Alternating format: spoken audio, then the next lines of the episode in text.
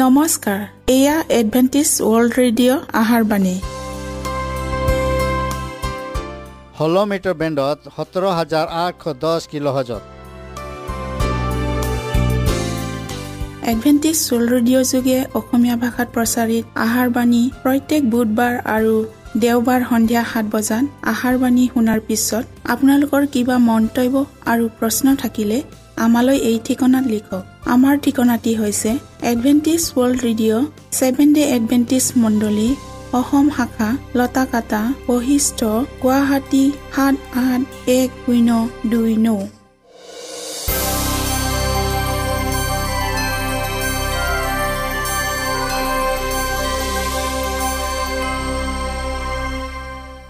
প্ৰিয় শ্ৰোতা বন্ধুসকল এতিয়া শুনো আহক এটি খ্ৰীষ্টীয় ধৰ্মীয় গীত।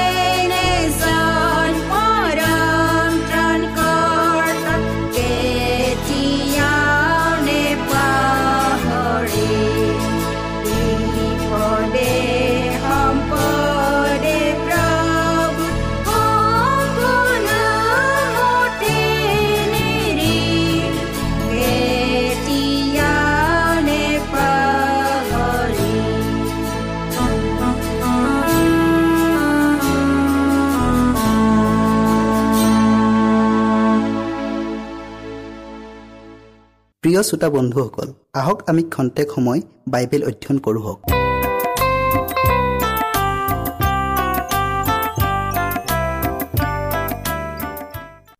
আজি মই ঈশ্বৰ মণ্ডলী বিচাৰি পাব পাৰোনে? ইয়াৰ দ্বিতীয় ভাগ শুনক। ক্ৰুচত ছয়তানে পৰাজিত হৈ লুটি খোৱাৰ ক্ৰোধত তেওঁৰ খং যীশুৱে স্থাপন কৰা মণ্ডলীৰ ওপৰত পৰিছিল। খ্ৰীষ্টীয়ৰ ক্ৰুচবিদ্ধৰ পাছত এক হাজাৰ দুশ ষাঠি বছৰ ধৰি ৰোমৰ বিশাল বন্দীশালত হাজাৰ হাজাৰ মানুহে মৃত্যুবৰণ কৰিছিল কাৰাৰুদ্ধ হৈছিল নিৰ্বাহিত হৈছিল আৰু মৰুভূমি পৰ্বতৰ গুহাত লুকাবলগীয়া হৈছিল।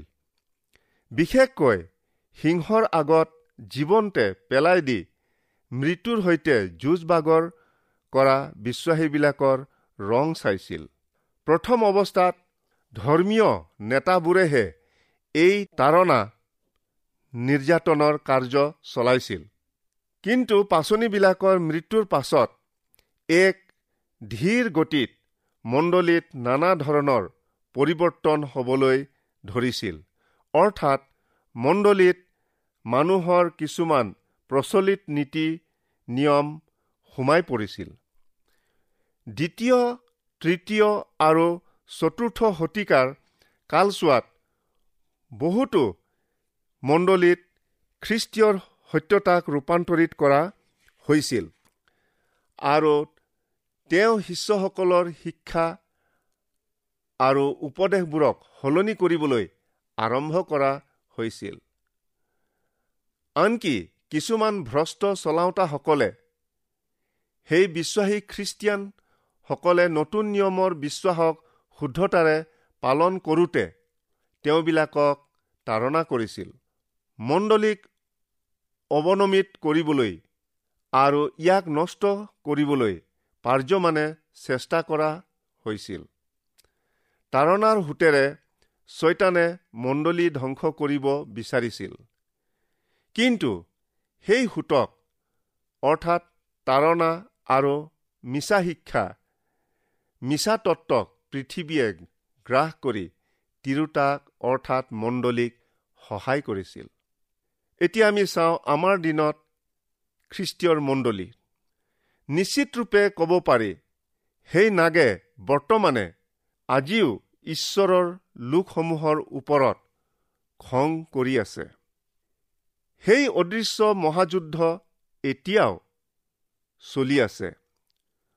প্ৰকৃতাৰ্থত যীশুৰ দ্বিতীয় আগমনৰ ঠিক আগমুহূৰ্তত তেওঁৰ মণ্ডলী আক্ৰমণত নিজৰ সৰ্বোচ্চ শক্তি ছয়তানে প্ৰয়োগ কৰিব। তাতে নাগে অৰ্থাৎ ছয়তানে সেই তিৰোতালৈ অৰ্থাৎ মণ্ডলীলৈ খং উঠি তেওঁৰ বংশৰ অৱশিষ্ট লোক অৰ্থাৎ ঈশ্বৰৰ আজ্ঞা পালন কৰা আৰু যীশুৰ সাক্ষ্য ধাৰণ কৰাবিলাকৰ সৈতে যুদ্ধ কৰিবলৈ গ'ল আৰু গৈ সাগৰৰ বালিত থিয় হ'লগৈ। এই ভাৱবাণী আমাৰ দিনটোলৈকে আঙুলিয়াইছে ছয়তান ক্ৰোধিত হৈছে।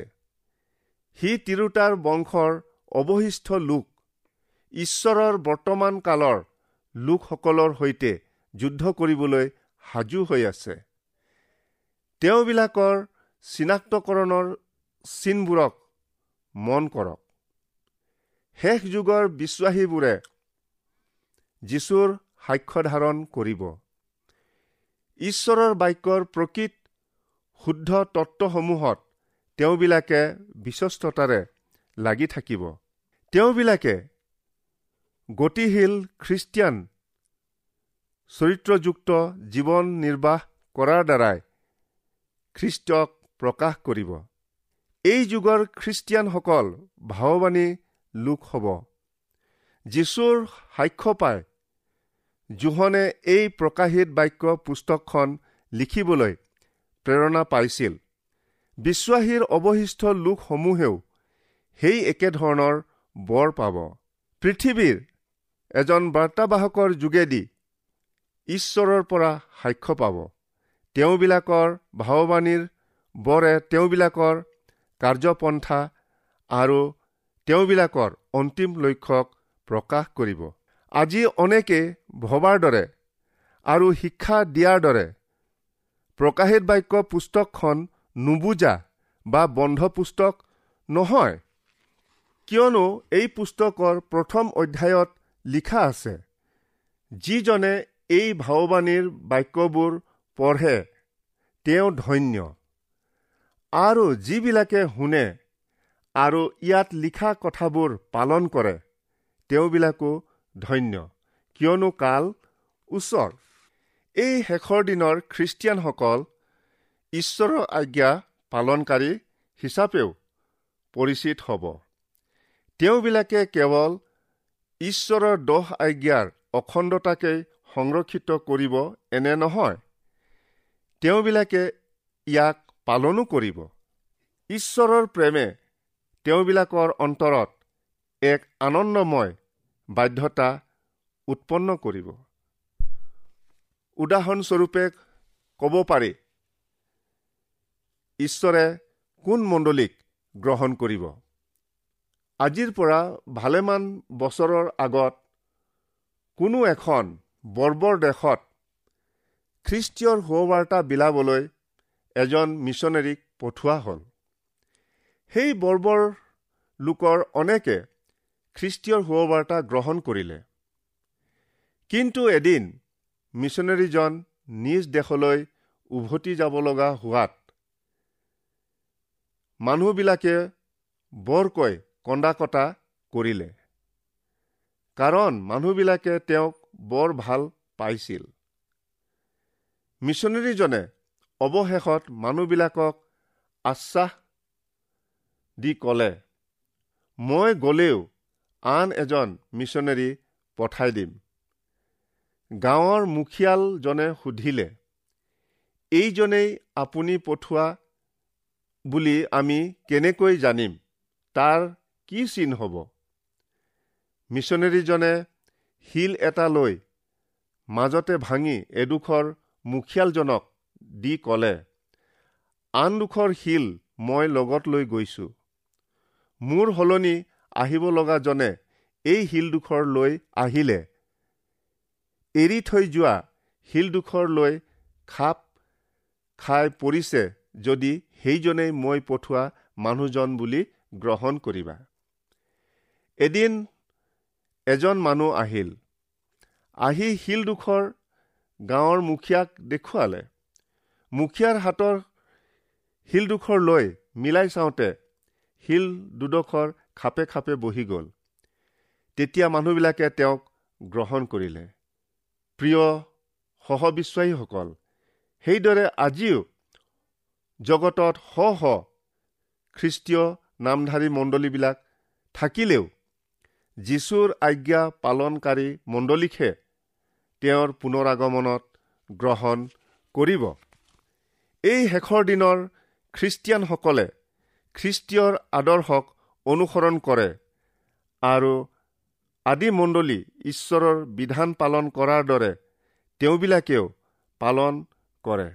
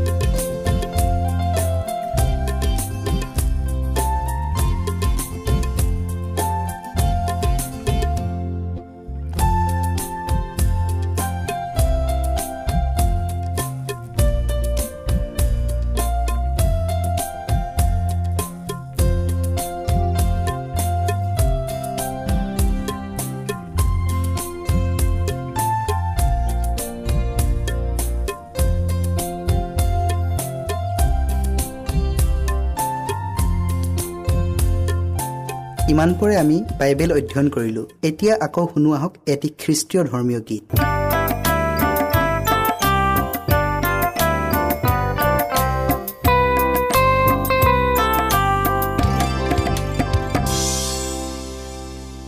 এই কাৰ্যই ছয়তানক বৰকৈ ক্ৰোধান্বিত কৰি তোলে আৰু সি তিৰোতাৰ বংশৰ অৱশিষ্টবোৰৰ সৈতে যুদ্ধ কৰিবলৈ উদ্যত হয়।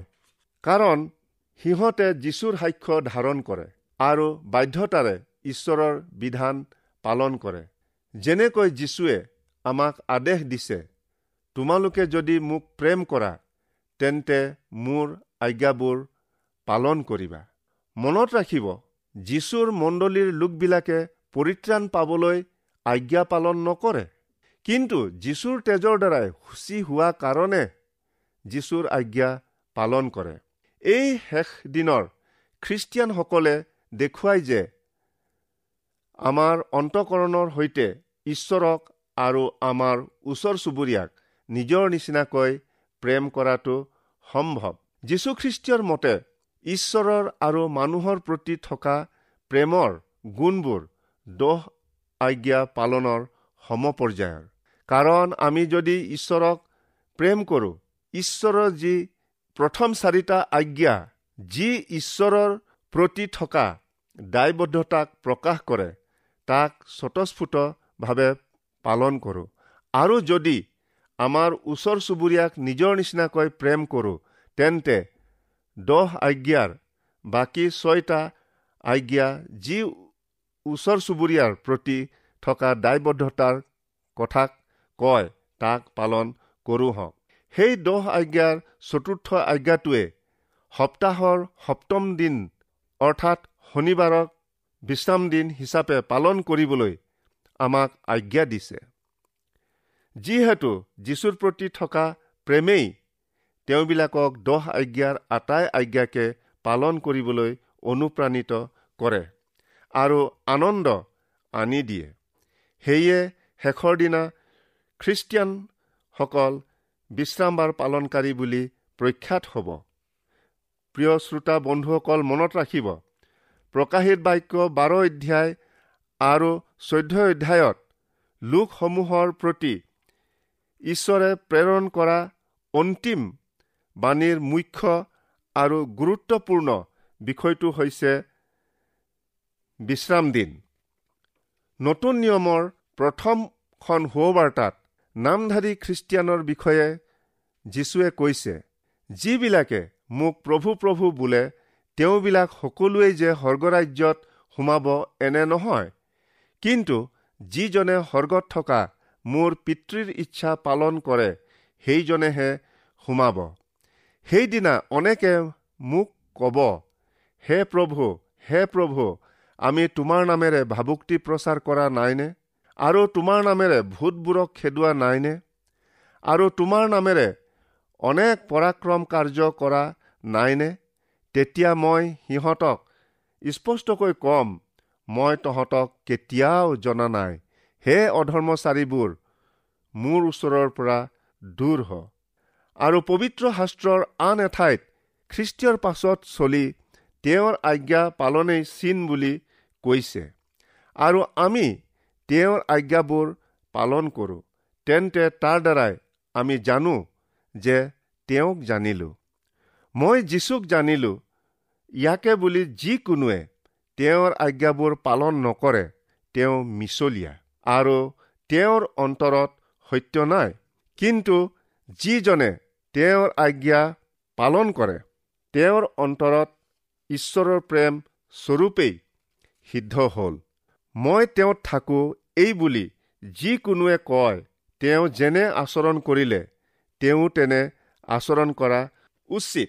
যিবিলাকে ঈশ্বৰৰ দহ আজ্ঞা বাধ্যতাৰে পালন কৰে আৰু যীশুৰ সাক্ষ্য ধাৰণ কৰে তেনেকুৱা শেষৰ দিনৰ বিশ্বাসীসকলৰ মাজৰ এজন প্ৰকৃত ঈশ্বৰ বিশ্বাসী হ'বলৈ আপুনি ইচ্ছা কৰেনে? আপুনি এনে সিদ্ধান্ত এতিয়াই গ্ৰহণ নকৰেনো কিয়?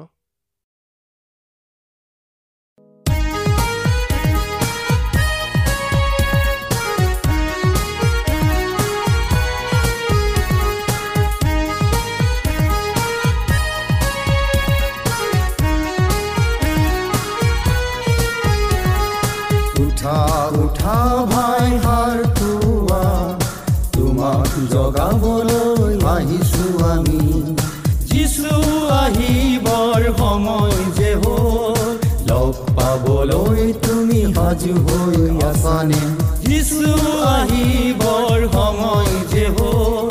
লগ পাবলৈ তুমি সাজু হৈ আছানে উঠা উঠা ভাই সাৰ পোৱা। তোমাক জগাবলৈ আহিছো আমি।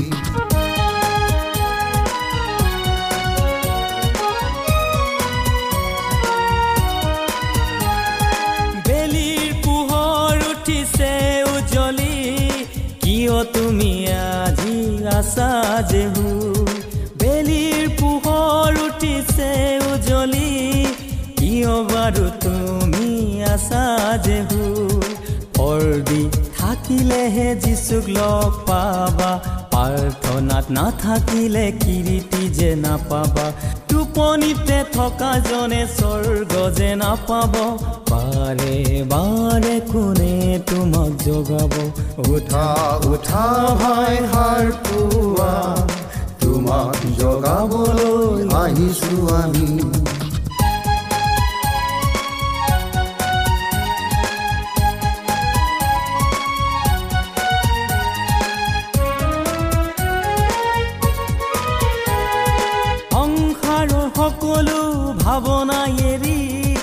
যিচুৰ কাষলৈ আহা চাপি।